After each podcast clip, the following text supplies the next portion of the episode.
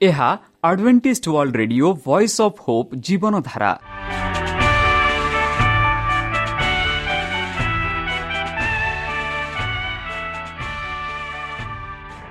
Odia radio କାର୍ଯ୍ୟକ୍ରମ ଯାହା ଆମର ଆନ୍ତର୍ଜାତୀୟ ଆଘାତ କେନ୍ଦ୍ରରୁ ପ୍ରସାରଣ କରାଯାଉଛି ପ୍ରତିଦିନ ରାତି ନଅଟା ତିରିଶ ମିନିଟ୍ରେ। ମୁଁ ସୁବ୍ରତ କୁମାର ପତି ପ୍ରେମର ସହ ଆପଣମାନଙ୍କୁ ଏହି କାର୍ଯ୍ୟକ୍ରମକୁ ସ୍ୱାଗତ କରୁଅଛି। ଚାଲନ୍ତୁ ଆଜିର ତିରିଶ ମିନିଟ୍ର କାର୍ଯ୍ୟକ୍ରମ ବିଷୟରେ ଜାଣିନେବା। ପ୍ରଥମେ ରଖିଛୁ ଆଧ୍ୟାତ୍ମିକ ଭକ୍ତିମୟ ଗୀତ। ଏହାପରେ ଶୁଣିବା ସ୍ୱାସ୍ଥ୍ୟ ବିଷୟରେ ଯାହା ଆମର ଦୈନିକ ଜୀବନରେ ଅତ୍ୟନ୍ତ ଜରୁରୀ। ଆଉ ପରିଶେଷରେ ଶୁଣିବା ପରମେଶ୍ୱରଙ୍କ ଭକ୍ତଙ୍କଠାରୁ ଜୀବନଦାୟକ ଈଶ୍ୱରଙ୍କ ବାକ୍ୟ। ପ୍ରିୟ ଶ୍ରୋତା ତାହେଲେ ଚାଲନ୍ତୁ ଶୁଣିବା ଏକ ଆଧ୍ୟାତ୍ମିକ ଭକ୍ତିମୟ ଗୀତ।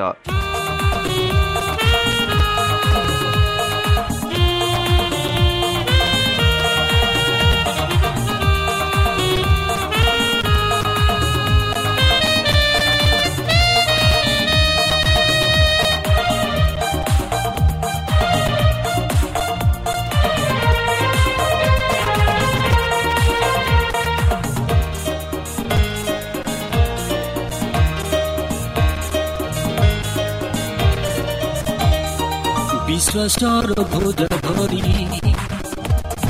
ଭରସାର ଚିହ୍ନ ନେଇ ଆମେ ଯିବା ଗେଇ ଆମେ ଯିବା ଗେଇ ଆସ ହେ ଖ୍ରୀଷ୍ଟିୟ ଭାଇ ବିଶ୍ୱାସର ଧ୍ୱଜ ଧରି ଭରସାର ଚିହ୍ନ ନେଇ ଆମେ ଯିବା ଗେଇ ଆମେ ଯିବା ଗେଇ ଆସ ହେ ଖ୍ରୀଷ୍ଟିୟ ଭାଇ ହୋ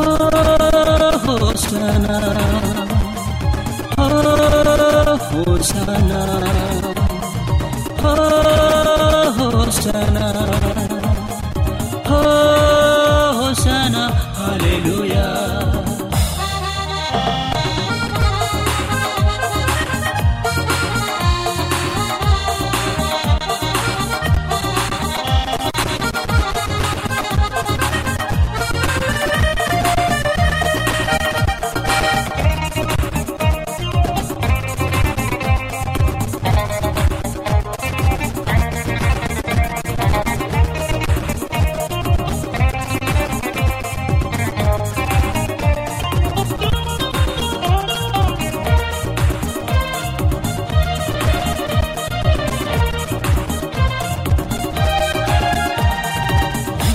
ବିଶ୍ୱାସେ ଆମେ ଆହୁତ ଖ୍ରୀଷ୍ଟ ବିଶ୍ୱାସେ ଆମେ ମୁଦ୍ରିତ ଖ୍ରୀଷ୍ଟ ବିଶ୍ୱାସେ ଆମେ ଆହୁତ ଖ୍ରୀଷ୍ଟ ବିଶ୍ୱାସେ ଆମେ ମୁଦ୍ରିତ সুসমাচারকু প্রচার করি নির্ভীক ভাবে যা গেই নির্ভীক ভাবে যা গেই ହୋସନା ହୋ ହୋସନା ହୋ ହୋସନା ହୋ ହୋସନା ହାଲେଲୁୟା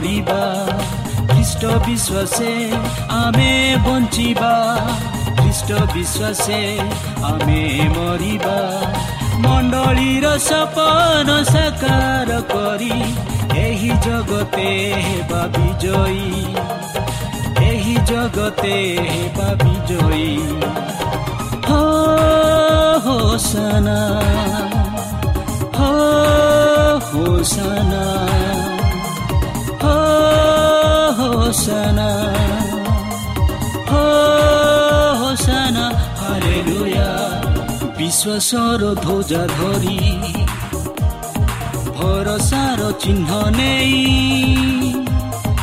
আমে যিবা গেই আমে যিবা গেই আস হে খ্রিস্টীয় ভাই হোসানা হোসানা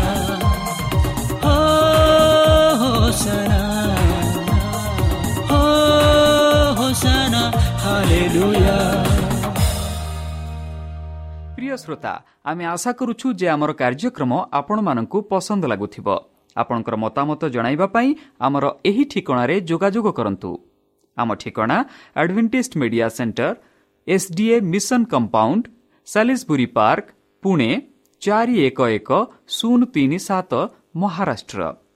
বা ଖୋଲନ୍ତୁ ଆମର ୱେବସାଇଟ୍ ଯେକୌଣସି Android phone smartphone desktop laptop କିମ୍ବା ଟ୍ୟାବ୍ଲେଟ୍ ଆମର website W W W dot A W R dot O R G slash O R I ଏବଂ W W W dot Adventist media center India dot O R G ବର୍ତ୍ତମାନ ଚାଲନ୍ତୁ ଶୁଣିବା ଈଶ୍ୱରଙ୍କ ଭକ୍ତଙ୍କଠାରୁ ଈଶ୍ୱରଙ୍କ ଜୀବନଦାୟକ ବାକ୍ୟ ନମସ୍କାର ପ୍ରିୟ ଶ୍ରୋତା ସେହି ସର୍ବଶକ୍ତି ସର୍ବଜ୍ଞାନୀ ପ୍ରେମର ସାଗର ଦୟାମୟ ଅନ୍ତର୍ଜମୀ ଅନୁଗ୍ରହ ପରମ ପିତାଙ୍କ ମଧୁର ନାମରେ ମୁଁ ପାଷ୍ଟ ପୂର୍ଣ୍ଣଚନ୍ଦ୍ର ଆଉ ଥରେ ଆପଣମାନଙ୍କୁ ଏହି କାର୍ଯ୍ୟକ୍ରମରେ ସ୍ୱାଗତ କରୁଅଛି।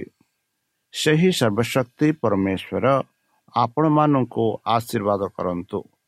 ଆପଣଙ୍କୁ ସମସ୍ତ ପ୍ରକାର ଦୁଃଖ କଷ୍ଟ ବାଧା କ୍ଲେଶ ଓ ରୋଗରୁ ଦୂରେଇ ରଖନ୍ତୁ। ଶତ୍ରୁ ସୟତାନ ହସ୍ତରୁ ସେ ଆପଣଙ୍କୁ ସୁରକ୍ଷାରେ ରଖନ୍ତୁ। ତାହାଙ୍କ ପ୍ରେମ ତାହାଙ୍କ ସ୍ନେହ ତାହାଙ୍କ କୃପା ତାହାଙ୍କ ଅନୁଗ୍ରହ ସଦାସର୍ବଦା ଆପଣଙ୍କଠାରେ ସହବର୍ତ୍ତୀ ରହୁ। ପ୍ରିୟତା ଚାଲନ୍ତୁ ଆଜି ଆମ୍ଭେମାନେ କିଛି ସମୟ ପବିତ୍ର ଶାସ୍ତ୍ର ବାଇବଲଠୁ ତାହାଙ୍କ ଜୀବନଦାୟକ ବାକ୍ୟ ଧ୍ୟାନ କରିବା। ଆଜିର ଆଲୋଚନା ହେଉଛି ବାଇବଲ ଲେଖକ। ବନ୍ଧୁ ଆମେ ଦେଖୁ ବିଭିନ୍ନ ପ୍ରକାର ବହି ବିଭିନ୍ନ ଲେଖକ ଅଛନ୍ତି। ଆଉ ସେ ଲେଖକମାନେ ସେମାନଙ୍କ ଆଲୋଚନା ଧାରା ସେମାନଙ୍କ ଭାବନା ସେମାନଙ୍କ ମନରେ ଯାହା ଯାହା ଅଛି ସେହି ସବୁ ସେମାନେ ଲେଖିଥାନ୍ତି। ଆଉ ସେଇଗୁଡ଼ାକୁ ଆମେ ପଢ଼ି ଆଉ ସେଇ ବିଷୟରେ ଜାଣିଥାଉ। ତାହେଲେ ବିଶେଷ ଭାବରେ ଆଜି ଆମେ ଆଲୋଚନା କରିବା କି ବାଇବଲ କିପରି ଲେଖା ହେଲା ଆଉ ବାଇବଲ କିପରି ଆମମାନଙ୍କ ପାଖକୁ ଆସିଲା? ଆଉ ବାଇବଲ ଲେଖିବା ପାଇଁ କେତେ ସମୟ ନେଇଥିଲା? ଆଉ ବାଇବଲକୁ କିଏ କିଏ ଲେଖିଥିଲେ? ଅଧିକ ସମୟରେ ଆମେ ଭାବିଥାଉ ଜଣେ ଶିକ୍ଷିତ ଲୋକ ବା ଜଣେ ଲୋକ ଯିଏକି ଉଚ୍ଚ ପାଠ ପଢ଼ିଛି ସେହି ବ୍ୟକ୍ତି ହିଁ ଲେଖିପାରିବ। ସାଧାରଣ ଭାବରେ ଯେକୌଣସି ବ୍ୟକ୍ତି ମଧ୍ୟ ଲେଖିପାରିବ। ମାତ୍ର ହୋଇପାରେ ସେ ଆପଣା ଭାବନା ଆପଣା କଥା ଲେଖିଥିବେ ମାତ୍ର ଆଜି ଅଧିକ ବାଇବଲ କିପରି ଲେଖା ହେଲା ଆଉ କେଉଁମାନେ ଲେଖିଥିଲେ ତାହା ବିଷୟରେ ଆମେ ଦେଖିବା। ପିତର ଦ୍ୱିତୀୟ ପିତର ଏକ ଏକୋଇଶରେ ଲେଖାଯାଉଛି କାରଣ କୌଣସି ଭାବବାନୀ କେବେ ହେ ମନୁଷ୍ୟର ଇଚ୍ଛାରୁ ଉତ୍ପନ୍ନ ହୋଇନାହିଁ। ମାତ୍ର ଈଶ୍ୱରଙ୍କ ପ୍ରେରିତ ମନୁଷ୍ୟମାନେ ପବିତ୍ର ଆତ୍ମାଙ୍କ ଦ୍ୱାରା ଚାଲିତ ହୋଇ କଥା କହିଥିଲେ। ବନ୍ଧୁ ପିତର ମାନଙ୍କୁ କହୁଛନ୍ତି କି ବାଇବଲ ଯାହାକି ଆମେ ଭାବବାଣୀ ଯେକୌଣସି ଭାବବାଣୀ ହଉ ତାହା ମନୁଷ୍ୟ ଦ୍ୱାରା ବା ମନୁଷ୍ୟ ଇଚ୍ଛା ଦ୍ୱାରା ଉତ୍ପନ୍ନ ହୋଇନାହିଁ। ଯେପରି ଆପଣମାନଙ୍କୁ ଏହା ପୂର୍ବେ ପୂର୍ବେ କହିସାରିଛି କି ଜଣେ ବ୍ୟକ୍ତି ଯଦି ଗୋଟେ ବହି ବା କିଛି କଳ୍ପନା ଭାବରେ ଲେଖୁଛନ୍ତି ଆପଣା କଳ୍ପନା ଭାବନାରେ ବା ଆପଣା କଥାର ଏକ ଯାହା ଅନ୍ୟକୁ ଅନ୍ୟମାନଙ୍କୁ କହିବାକୁ ଇଚ୍ଛା କରୁଛନ୍ତି ତାହା ଲିଖିତ ଭାବରେ ସେ ପ୍ରକାଶ କରିଥାନ୍ତି। ମାତ୍ର ଏଠି ଆମେ ଦେଖୁଅଛୁ କି କୌଣସି ଭାବମାନେ କେବେ ହେ ମନୁଷ୍ୟର ଇଚ୍ଛାରୁ ଉତ୍ପନ୍ନ ହୋଇନାହିଁ। ମାନେ ପବିତ୍ର ଶାସ୍ତ୍ର ବାଇବଲ ଯାହା ଆମେ ଆଦି ପୁସ୍ତକରୁ ପ୍ରକାଶିତ ପୁସ୍ତକ ପର୍ଯ୍ୟନ୍ତ ଦେଖୁଥାଉ। ଏଇ ଯେଉଁ ଆଦି ପୁସ୍ତକରୁ ପ୍ରକାଶିତ ପୁସ୍ତକ ଯାହା ଯାହା ଲେଖା ଅଛି ଏହିସବୁ ମଣିଷମାନଙ୍କ ଇଚ୍ଛା ଦ୍ୱାରା ଲେଖାଯାଇନି ବୋଲି ଆମେ ଦେଖୁଅଛୁ। ଯାହା ଆଦି ପୁସ୍ତକ ଏକ ଠୁ ପ୍ରକାଶିତ ପୁସ୍ତକ ବାଇଶ ଯାହା ଆମେ ଦେଖୁଛୁ ସେଇ ଛଅଷଠି ପୁସ୍ତକ ଯାହା ଆମେ ପବିତ୍ର ଶାସ୍ତ୍ର ବାଇବଲରେ ଦେଖୁ ଆଉ ସେଇ ଯେଉଁ ଛଅଷଠି ପୁସ୍ତକରେ ପୁଣି ବିଭାଗ ହୋଇଅଛି ଦୁଇ ପୁସ୍ତକ। ଏକ ନୂତନ ଏକ ପୁରାତନ। ଆଉ ପୁରାତନ ନିୟମରେ ଯେଉଁମାନେ ଲେଖିଥିଲେ ଯୀଶୁଖ୍ରୀଷ୍ଟଙ୍କ ବିଷୟରେ ତାହା ଆମେ ନୂତନ ନିୟମରେ ପାଉଅଛୁ।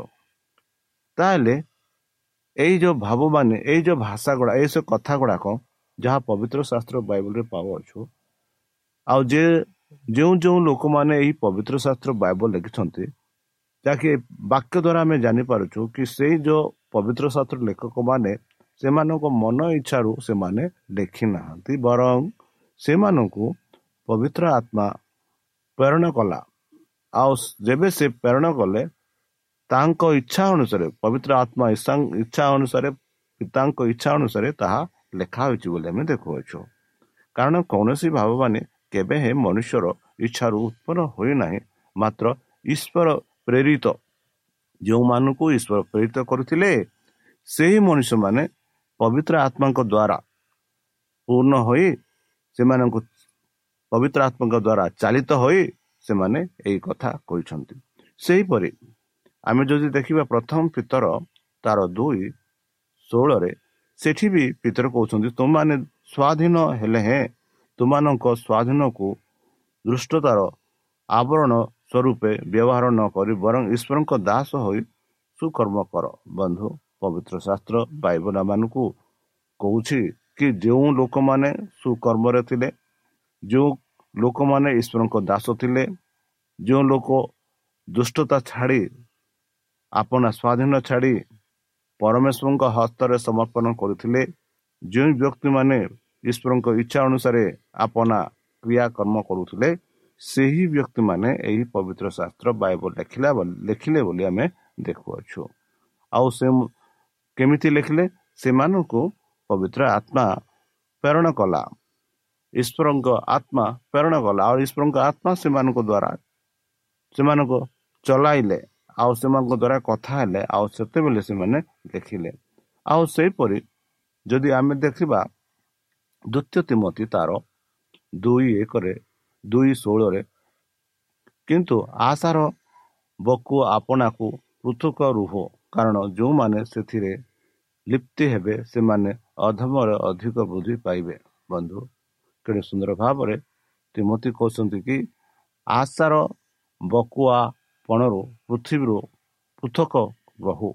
କାରଣ ଯେଉଁମାନେ ସେଥିରେ ଲିପ୍ତ ହେବେ ସେମାନେ ଅଧମରେ ଅଧିକ ବୃଦ୍ଧି ପାଇବେ। ବନ୍ଧୁ ଏଇ ଯେଉଁ ବ୍ୟକ୍ତିମାନେ ପବିତ୍ର ଆତ୍ମାଙ୍କ ଦ୍ୱାରା ଲିପ୍ତି ହେଲେ ଆଉ ପବିତ୍ର ଆତ୍ମା ସେମାନଙ୍କୁ ଚଲାଇଲା ଆଉ ସେମାନେ ସେହି ବାକ୍ୟକୁ ଲେଖିଲେ ବୋଲି ଆମେ ଦେଖୁଅଛୁ।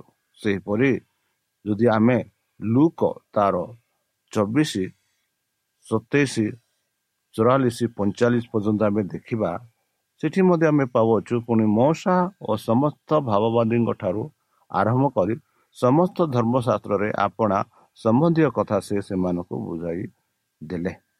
ପୁଣି ସେ ସେମାନଙ୍କୁ କହିଲେ ମଶାଙ୍କ ବ୍ୟବସ୍ଥା ଏବଂ ଭାବବାଦୀମାନଙ୍କ ଓ ଗୀତ ସଙ୍ଗୀତା ଧର୍ମଶାସ୍ତ୍ରର ମୋ ବିଷୟରେ ଯାହା ଯାହା ଲେଖା ଅଛି ସେହିସବୁ ସଫଳ ହେବା ଆବଶ୍ୟକ। ମୁଁ ତୁମାନଙ୍କ ସଙ୍ଗରେ ଥିବା ସମୟରେ ତୁମାନଙ୍କୁ ଏହି ସମସ୍ତ କଥା କହିଥିଲେ। ସେତେବେଳେ ସେମାନେ ଯେପରି ଧର୍ମଶାସ୍ତ୍ର ବୁଝିପାରନ୍ତି ସେଥିପାଇଁ ସେ ସେମାନଙ୍କ ବୁଦ୍ଧି ରୂପ ଦ୍ୱାରା ଉନ୍ନକ୍ତ କଲେ। ବନ୍ଧୁ କେଡ଼େ ସୁନ୍ଦର ଭାବରେ ଆମେ ପାଉଅଛୁ କି ଯୀଶୁ ଖ୍ରୀଷ୍ଟ ଆପଣା ଶିଷ୍ୟମାନଙ୍କୁ ଆଉ ସେହି ସମୟରେ ଯେତେ ଲୋକ ସେହି ସ୍ଥାନରେ ଉପସ୍ଥିତ ଥିଲେ ସେମାନଙ୍କୁ ପବିତ୍ର ଶାସ୍ତ୍ର ବାଇବଲ କିପରି ଆସିଲା? ଆଉ ସେଇ ପବିତ୍ର ଶାସ୍ତ୍ର ବାଇବଲ କାହା ବିଷୟରେ କହୁଥିଲା? ତାହା ବିଷୟରେ ଯୀଶୁ ଖ୍ରୀଷ୍ଟ ଶିଷ୍ୟମାନଙ୍କୁ କହୁଛନ୍ତି ଯେପରିକି ମଶା। କାହିଁକି ଆମେ ମଶା କହୁଛୁ? ମଶା ଆମେ ଜାଣୁ ଯେ ବାଇବଲର ପାଞ୍ଚ ପୁସ୍ତକ ମଶା ଆଉ ଛଅ ପୁସ୍ତକ ବର ମଶା ଲେଖିଲେ। ତାହା ହେଉଛି ଆଦି ପୁସ୍ତକ ଲେବ୍ୟ ପୁସ୍ତକ ଦ୍ୱିତୀୟ ବିବରଣ ଗଣନା ଆଉ ଏଇ ଯେଉଁ ପାଞ୍ଚ ପୁସ୍ତକ ଛାଡ଼ି ଆମେ ଦେଖୁଅଛୁ ଆଇବ ପୁସ୍ତକ ବି ମଶା ଲେଖିଲେ ବୋଲି। ଆଉ ମଶା ଲେଖିଲେ କାହାଙ୍କ ଦ୍ୱାରା ପବିତ୍ର ଆତ୍ମାଙ୍କ ଦ୍ୱାରା ସେହି ପରମେଶ୍ୱର ମଶାଙ୍କୁ ପ୍ରେରିତ କଲେ। ଆଉ ମଶା ସେହି ବହି ସବୁ ଲେଖିଲେ। ଆଉ ସେହି ବହି ସବୁ ମଧ୍ୟରେ ଆମେ ଦେଖାଉଛୁ ଯାତ୍ରା ପୁସ୍ତକରେ ଯାହାକି ବ୍ୟବସ୍ଥା ଆମେ ଦେଖୁଛୁ ଯାହା ଦଶ ଆଜ୍ଞା ଦେଖୁଛୁ। ସେଇ ଦଶ ଆଜ୍ଞା ମଧ୍ୟ ପରମେଶ୍ୱର ମଶାକୁ ପ୍ରେରଣ କଲେ ଆଉ ମଶା ଲେଖିଲେ। ବାଇବଲ ଆମମାନଙ୍କୁ କହୁଛି ପରମେଶ୍ୱର ନିଜେ ଆଙ୍ଗୁଠିରେ ସେଇ ଦଶ ଆଜ୍ଞା ଲେଖି ମଶାକୁ ଦେଲେ ଆଉ ମଶାକୁ ଯେବେ ଦେଲେ ମଶା ଯେବେ ଦେଖିଲେ ଇସ୍ରାଏଲ ପ୍ରଜାମାନେ ଯେବେ ସେମାନେ ମିଶ୍ର ଦେଶରୁ କେନାନ ଦେଶକୁ ପ୍ରବେଶ କଲା ବେଳେ ମଧ୍ୟର ହାତରେ ଯେମାନେ ସେମାନେ ଯେବେ ମଶା ପର୍ବତ ଉପରକୁ ଗଲେ ସିନିୟ ପର୍ବତ ଉପରକୁ ଗଲେ ଆଉ ସେଠି ଚାଳିଶ ଦିନ ଚାଳିଶ ରାତି ଥିଲେ ସେମାନେ ଭାବିଲେ କି ମଶା ଆଉ ଥରେ ଫେରି ଆସିପାରିବନି। କାହିଁକି ମାନେ ସେମାନେ ସେ ସେଇ ପର୍ବତରେ କ'ଣ ହେଲା ସେ ବି ସେମାନେ ବି ଜାଣିନଥିଲେ। ଆଉ ସେଥିଯୋଗୁଁ ସେମାନେ ଭାବିଲେ କି ମଶା ତ ନାହାନ୍ତି ଚାଲନ୍ତୁ ଆମେ ଆଉ ଏକ ଲୋକକୁ ବାଛିବା ଆଉ ଏକ ଦେବତା କରିବା ସେଇ ଦେବତାକୁ ଆମେ ପୂଜା କରିବା ବୋଲି ସେମାନେ ନିର୍ଣ୍ଣୟ କଲେ। ଆଉ ସେହି ସମୟରେ ଆମେ ଦେଖୁ କି ଯେବେ ପରମେଶ୍ୱର ମଶାକୁ ସେହି ସମୟରେ ତାଙ୍କ ନିଜ ହସ୍ତ ଲିଖିତ ଭାବରେ ଦଶ ଆଜ୍ଞା ଦେଇଥିଲେ ଦେଇ ସେହି ଦଶ ଆଜ୍ଞା ଧରି ସେ ଯେବେ ଆସିଥିଲେ ଯେବେ ସେ ଦେଖିଲେ ଏଇ ଲୋକମାନେ କି ସେହି ପରମେଶ୍ୱର ଯିଏକି ସେମାନଙ୍କୁ ମିଶ୍ର ଦେଶରୁ କେନାନ ଦେଶ ଆଣିବାକୁ ସମସ୍ତ ଦୁଃଖ କଷ୍ଟ ବାଧାରୁ ସେମାନଙ୍କୁ ଉଦ୍ଧାର କରି ଆଣିଲେ ସେହି ସବୁ ସେମାନେ ଭୁଲି ଯାଇ ଅନ୍ୟ ଦେବତାକୁ ପୂଜା କରୁଥିଲେ। ଏହା ଦେଖି ମଶା ସେଠି ଆମେ ଆମେ ଦେଖାଉଛୁ ମଶା ସେହି ସମୟରେ ସେଇ ଦଶ ଆଜ୍ଞା ସେଇ ଯେଉଁ ମୂର୍ତ୍ତି ପରେ ଫିଙ୍ଗି ତାକୁ ଭାଙ୍ଗି ତାକୁ ଚୁନା କରି ଲୋକମାନଙ୍କୁ ପିଆଇଲି ବୋଲି ଆମେ ଦେଖୁଅଛୁ ଆଉ ଯୀଶୁ ଖ୍ରୀଷ୍ଟ ମାନଙ୍କୁ ଏଠି କହୁଅଛି କି ମଶା ଓ ସମସ୍ତ ଭାବିବାଦଙ୍କ ଠାରୁ ସମସ୍ତ ମାନେ ମଶାଠୁ ଶେଷରୁ ଆମେ ଦେଖୁଅଛୁ ଜହନ ପ୍ରକାଶିତ ଜହନ ଯେ ପ୍ରକାଶିତ ବାଇବଲ ପ୍ରକାଶିତ ପୁସ୍ତକ ଯିଏ ଲେଖିଛନ୍ତି ସେ ହେଉଛନ୍ତି ଜହନ। ମାନେ ମଶାଠୁ ଜହନ ପର୍ଯ୍ୟନ୍ତ ସମସ୍ତେ କାହା ବିଷୟରେ ଲେଖିଲେ? ସେଇ ଧର୍ମଶାସ୍ତ୍ରରେ ସେ ଯୀଶୁଙ୍କ ସମ୍ବନ୍ଧୀୟ କଥା ସେମାନେ ଲେଖିଲେ ବୋଲି ଆମେ ପାଉଅଛୁ। ଆଉ ସେମାନଙ୍କୁ କହିଲେ ମଶାଙ୍କ ବ୍ୟବସ୍ଥା ଓ ଭାବିବାଦୀ ମାନଙ୍କ ଓ ଗୀତ ସଙ୍ଗୀତା ଧର୍ମଶାସ୍ତ୍ରରେ ମୋ ବିଷୟରେ ଯାହା ଯାହା ଲେଖା ଅଛି ସେହି ସବୁ ସଫଳ ହେବା ଆବଶ୍ୟକ। ମାନେ ଯଦି ଆମେ ଯିଶା ପୁସ୍ତକ ତେବନ ଯଦି ପଢ଼ିବା ସେଠି ଯୀଶୁଖ୍ରୀଷ୍ଟଙ୍କ ବିଷୟରେ ଭଲ ଭାବରେ ଲେଖାଯାଇଅଛି। ଆଉ ତାହା ଆମେ ପାଉଅଛୁ ପୁରାତନ ନିୟମରେ। ଆଉ ଯୀଶୁଖ୍ରୀଷ୍ଟ ଏଠି କହୁଛନ୍ତି କି ମଶାଙ୍କ ଠାରୁ ସମସ୍ତ ଭାବବାଦୀ ମାନେ ଯାହା ଯାହା ଲେଖିଥିଲେ ସେସବୁ ସେଇ ସବୁ ମୋ ବିଷୟରେ ଲେଖିଥିଲେ। ଆଉ ସେହି ସବୁ ସଫଳ ହେବା ଆବଶ୍ୟକ। ଯେହେତୁ ସେମାନେ ମୋ ବିଷୟରେ ମୁଁ ଆସିବା ପୂର୍ବରୁ ସେମାନେ ଲେଖିଥିଲେ ଆଉ ଯୀଶୁ ଖ୍ରୀଷ୍ଟ ଏହିସବୁ କରିବେ ବୋଲି ଏହିସବୁ ହେବ ବୋଲି ସେମାନେ ଲେଖିଥିଲେ ତାହା ସଫଳ ହେବା ଆବଶ୍ୟକ ବୋଲି ସେ କହିଲେ। ଆଉ ସେ କହନ୍ତି ମୁଁ ତୁମମାନଙ୍କ ବିଷୟରେ ଯାହା ଯାହା ଲେଖା ଅଛି ମୋ ବିଷୟରେ ଯାହା ଯାହା ଲେଖା ଅଛି ସେହି ସବୁ ସଫଳ ହେବା ଆବଶ୍ୟକ। ମୁଁ ତୁମମାନଙ୍କ ସଙ୍ଗରେ ଥିବା ସମୟରେ ତୁମମାନଙ୍କୁ ଏହି ସମସ୍ତ କଥା କହିଥିଲି। ଯେତେବେଳେ ସେ ଯେପରି ଧର୍ମଶାସ୍ତ୍ର ବୁଝିପାରିବ ସେଥିପାଇଁ ସେ ସେମାନଙ୍କୁ ବୁଦ୍ଧି ରୂପ ଦ୍ୱାରା ଉନ୍ନତ କଲେ ବୋଲି ଆମେ ଦେଖାଉଛୁ ସେହିପରି ଯଦି ଆମେ ଜହନ ପାଞ୍ଚ ଚଉରାଳିଶ ଆଉ ସତଚାଳିଶ ପର୍ଯ୍ୟନ୍ତ ପଢ଼ିବା ଜହନ ମାନଙ୍କୁ ଏହିପରି କହୁଛନ୍ତି। ତୁମେମାନେ କିପରି ବିଶ୍ୱାସ କରିପାର? ତୁମାନେ ତ ପରସ୍ପରରୁ ଗୌରବ ଗ୍ରହଣ କରୁଅଛ। ପୁଣି ଏକମାତ୍ର ଈଶ୍ୱରଙ୍କ ଠାରୁ ଯେଉଁ ଗୌରବ ତାହା ପାଇବା ପାଇଁ ଚେଷ୍ଟା କରୁନାହୁଁ। ମୁଁ ଯେ ପିତାଙ୍କ ଚାମରେ ତୁମମାନଙ୍କ ବିରୁଦ୍ଧରେ ଅଭିଯୋଗ କରିବି ଏହା ମନେ କର ନାହିଁ ଯେଉଁ ମଶାଙ୍କଠାରେ ତୁମାନେ ଭରସା ରଖିଅଛ ସେ ତୁମମାନଙ୍କ ବିରୁଦ୍ଧରେ ଅଭିଯୋଗ କରୁଛନ୍ତି କରୁଅଛନ୍ତି। କାରଣ ତୁମେମାନେ ଯଦି ମଶାଙ୍କୁ ବିଶ୍ୱାସ କରନ୍ତ ତେବେ ମୋତେ ବିଶ୍ୱାସ କରନ୍ତ। ତେଣୁ ସେ ଯେ ସେ ମୋ ବିଷୟରେ ଲେଖିଅଛନ୍ତି କିନ୍ତୁ ତୁମମାନେ ଯଦି ତାହାଙ୍କ ଲିଖିତ ବାକ୍ୟ ବିଶ୍ୱାସ କରୁନାହଁ ତେବେ କିପରି ମୋର ବାକ୍ୟ ବିଶ୍ୱାସ କରିବ ବନ୍ଧୁ?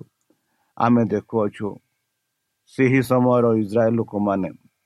ଯେବେ ଯୀଶୁଖ୍ରୀଷ୍ଟ ଏହି ପୃଥିବୀ ଥିଲାବେଳେ ତାଙ୍କ କାର୍ଯ୍ୟ କରୁଥିଲେ ଆଉ ଯେବେ ଯୀଶୁଖ୍ରୀଷ୍ଟ ସେମାନଙ୍କୁ ବୁଝାଇ କହୁଥିଲେ ସେମାନଙ୍କ ସମ୍ମୁଖରେ ଆଚାର୍ଯ୍ୟ କାର୍ଯ୍ୟ କରୁଥିଲେ ସେମାନଙ୍କୁ ସେବା କରୁଥିଲେ ସେତେବେଳେ ସେଇ ସୁଡ଼ସିସ୍ ଆଉ ଫାରସିସ୍ ମାନେ ତାଙ୍କ ବିରୁଦ୍ଧରେ ଅନେକ ଷଡ଼ଯନ୍ତ୍ର କରୁଥିଲେ। ଆଉ ସେମାନଙ୍କୁ ପରମେଶ୍ୱର ଯୀଶୁଖ୍ରୀଷ୍ଟ କହୁଛନ୍ତି ଯେ ତୁମମାନେ କିପରି ବିଶ୍ୱାସ କରିପାର? ତୁମମାନେ ତ ପରସ୍ପର ଠାରୁ ଗୌରବ ଗ୍ରହଣ କରୁଅଛ।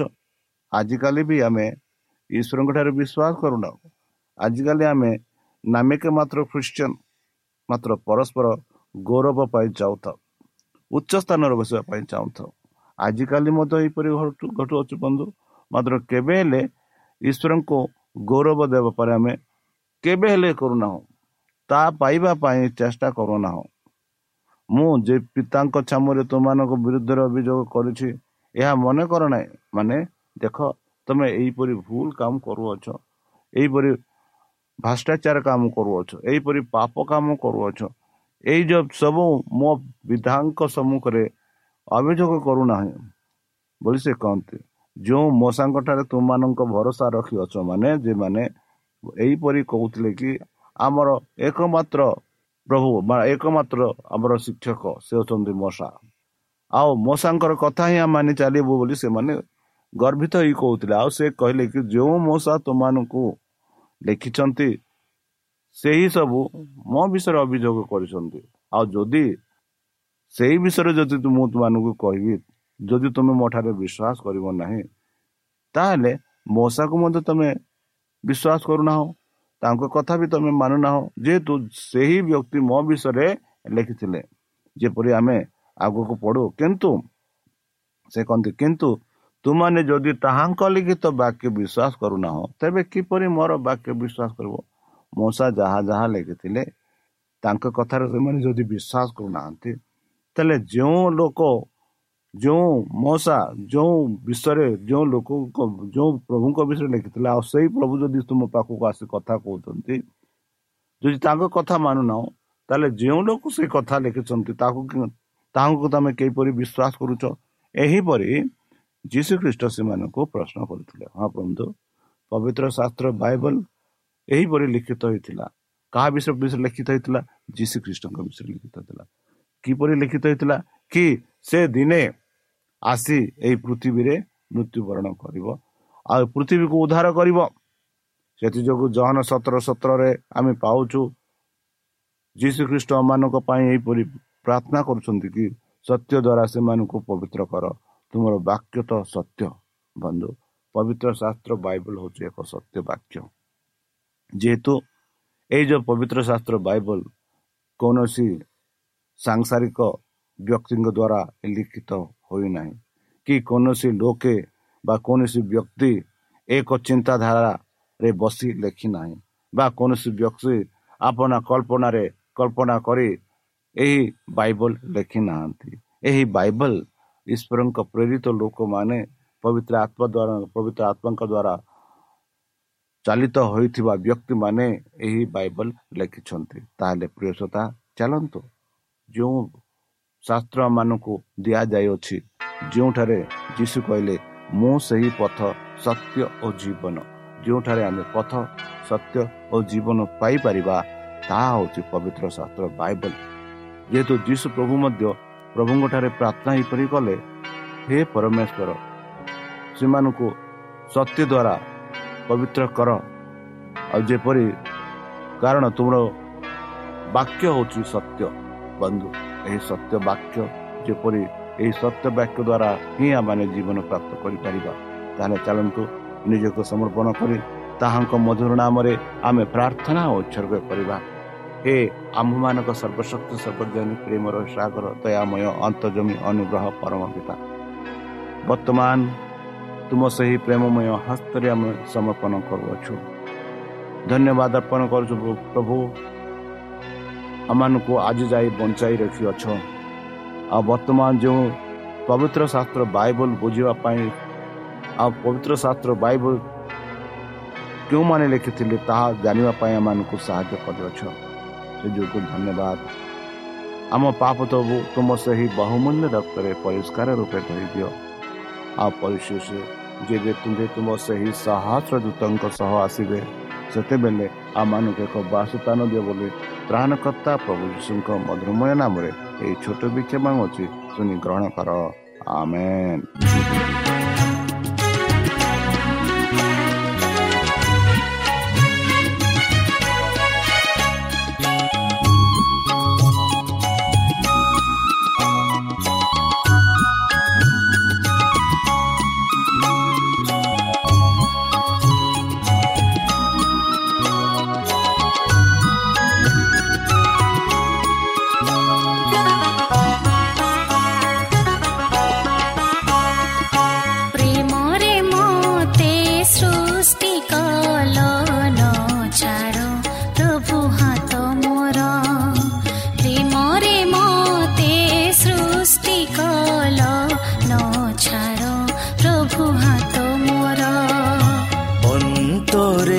চাহে তুমি গ্ৰহণ ক্ষমি পাপ মৰ জীৱনদায়ক পিতায় জীৱনদায়ক পিতায় হোৱা মোৰ প্ৰাণৰ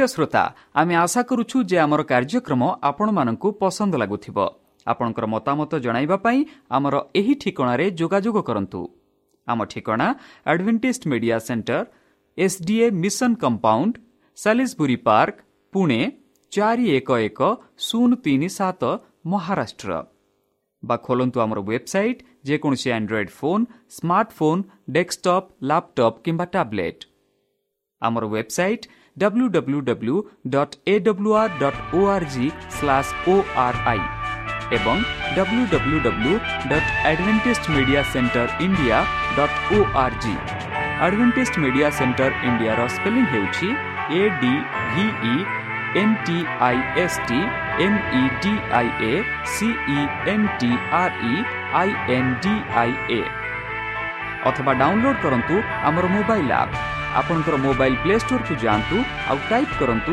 ଦ ଭଏସ୍ ଅଫ୍ ପୋପ୍ ଆଉ ଡାଉନଲୋଡ୍ କରନ୍ତୁ। ଈଶ୍ୱର ଆପଣଙ୍କୁ ଆଶୀର୍ବାଦ କରନ୍ତୁ।